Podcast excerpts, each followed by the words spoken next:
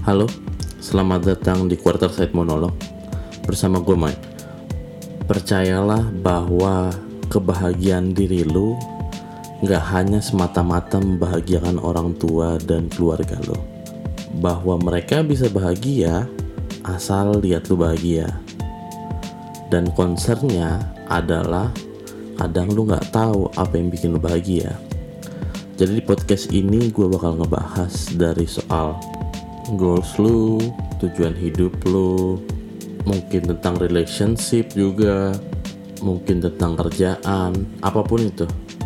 Kita bakal coba bahas semuanya di sini biar nantinya lu nggak hanya sibuk untuk menyenangkan orang lain, tapi lu bisa bahagia sama diri lu sendiri sehingga nantinya orang-orang di sekitar lu akan merasa bahagia bersama lu karena lu bahagia dengan hidup lu. Fair enough? Let's go. Halo, selamat datang di Quartzite Monolog dengan gue Mike. Jadi kali ini gue mau bahas tentang salah satu pemain yang gue cukup suka dan gue rasa sih dia termasuk salah satu paling terkenal dengan work ethicnya di NBA yaitu Kobe Bryant yang mana sudah rest in peace um, di kecelakaan bersama dengan anak perempuannya dan beberapa orang yang ada di helikopter tentunya. Jadi um, gue mau tribut, gue mau mempersembahkan mungkin salah satu tulisan gue dan podcast ini juga episode podcast ini juga buat Kobe gue tahu nggak ada tanggal spesial tanggal meninggalnya juga enggak tanggal lahirnya juga enggak ya cuman gue mau mau aja buat buat Kobe nggak apa-apa kan? Jadi cuman kali ini karena walaupun dia terkenal dengan work ethicnya dengan kerja kerasnya dari Senin sampai Minggu dia latihan basket terus-terusan. Tapi gue nggak bahas tentang work ethicnya sekarang. Um, gue bahas tentang um, apa ya? Loh, kok gue lupa ya? Gue mau bahas apa? Nggak, nggak. Gue mau bahas tentang tentang kekalahan. Sesuatu yang nggak harus jadi pemain basket lo buat ngerasain kekalahan. Lo jadi manusia mas-mas normal juga ngerasain kalah gitu. Nah, gue mau bahas tentang kekalahan dari sudut pandangnya si Kobe Bryant. Kenapa gue bahas tentang kalahan? Karena dulu gue pernah denger, nggak denger sih, gue nonton YouTube uh, wawancara Kobe Bryant waktu selesai press conference. Gue lupa ya itu waktu itu lawan apa ya?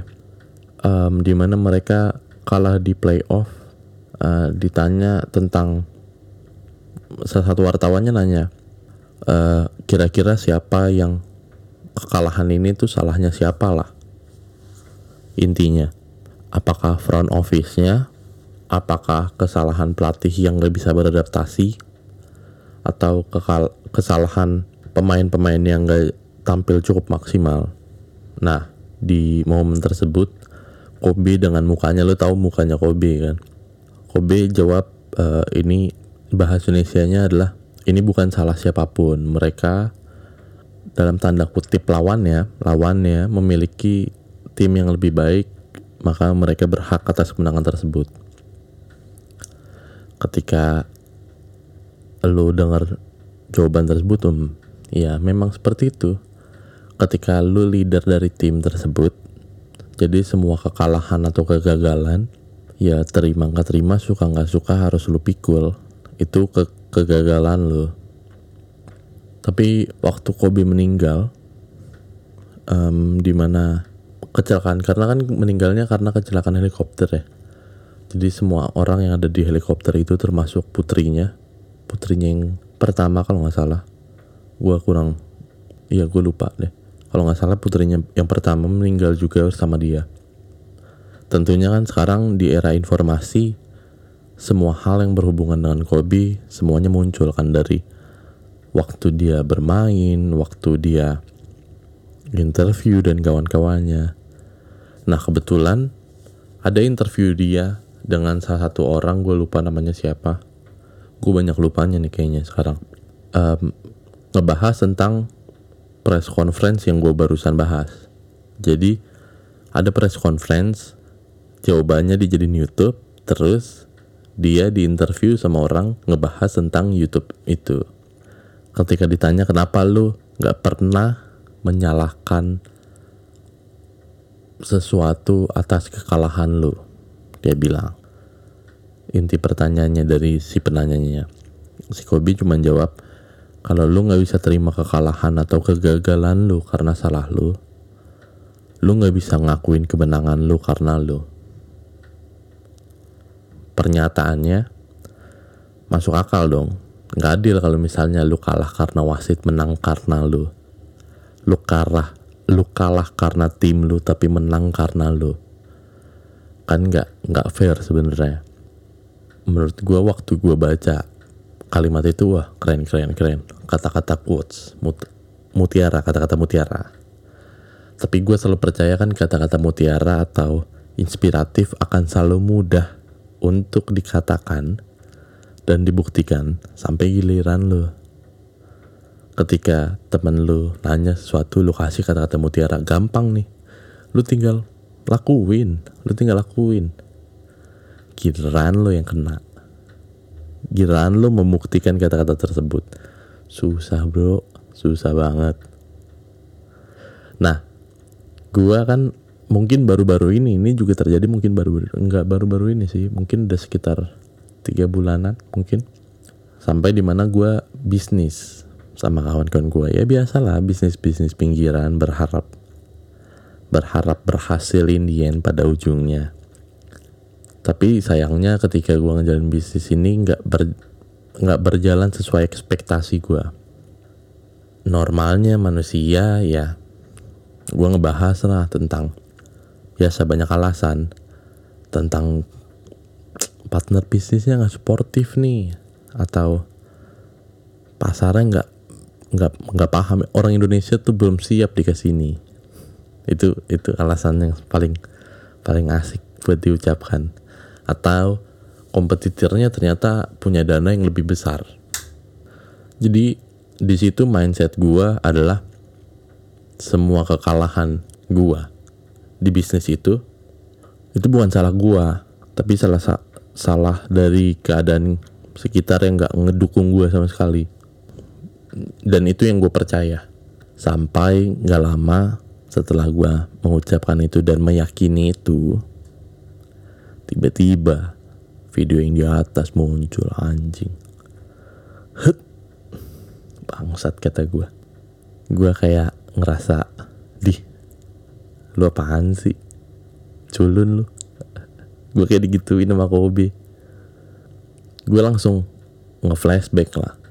Gue langsung mikir iya ya kalau aja gue lebih pinter buat berkomin, berkomunikasi sama partner bisnis gue mengatakan apa yang gue mau apa yang gue maksud.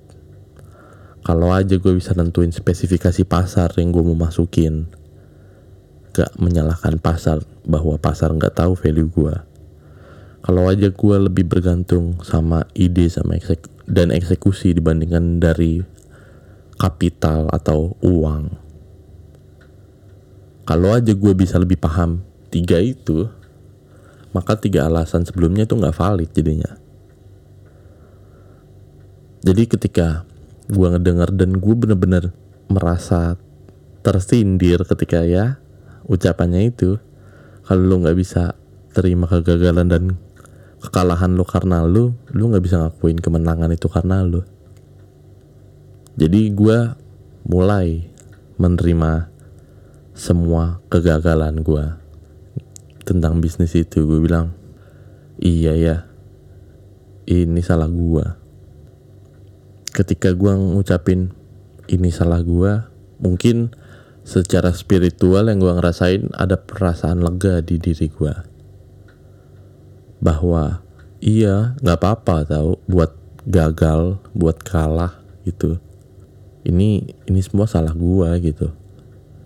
Yang yang terpenting kan sebenarnya lu menerima kalau menurut gua dari pengalaman gua. Soalnya ketika gua ngomong itu ada perasaan ikhlas yang muncul di di, di diri gue walaupun gue bukan tipikal orang yang sangat ikhlas ikhlas banget ya ya gue tau lah diri gue seperti apa. Tapi hanya karena gue ikhlas nggak berhenti sampai di situ. Di saat bersamaan tiba-tiba gue ngerasa otak gue entah berputar dengan sendirinya nggak mungkin sih. Tapi tiba-tiba otak gue menemukan beberapa beberapa beberapa solusi buat berjuang keluar dari kekalahan tersebut kekalahan bisnis yang gue bahas. Tiba-tiba mu mungkin mulai oh misalnya gue seperti ini nih misalnya gue seperti ini nih misalnya gue seperti ini nih ini bisa gue lakuin nih ini bisa gue lakuin. Hanya karena di awal gue ngakuin bahwa itu salah gue jadi yang diperbaiki kan harusnya gua. Jadi gua nggak mencoba memperbaiki eksternal gua tapi memperbaiki internal gua. Dan itu ngebantu gua buat ngebangun sesuatu konsep yang lebih terarah gitu. Dan gue juga percaya Kobe sih. Maksudnya gue nggak mungkin gue bukan biggest fan dari dia. Tapi gue cukup suka dengan sosok Kobe Bryant. Jadi ketika gue lagi bahas seperti ini, ketika gue tersindir juga oleh dia, maka sekalian lah gue bertingkah laku kayak dia. Di mana Kobe selalu menolak gagal tanpa perjuangan. Kalau harus kalah, kalah. Tapi lu harus berjuang maksimal. Lagi pula lu cuman kalah bukan gagal. Makanya setelah semua yang gue bahas akhirnya gue coba eksekusi lah ide-ide gue gue coba komunikasi lebih baik. Gue coba cari diversifikasi dan spesifikasi pasar yang gue mau. Gue mencoba mengembangkan berbagai ide dan cukup mengesampingkan uang. Walaupun gue harus akui ya rasa kesel dan rasa marah soal kekalahan itu masih ada. Tapi sekarang gue mulai tahu bahwa gimana caranya menikmati kekalahan seperti Kobe Bryant. Rest in the end, not in the middle. Live forever, Black Mamba.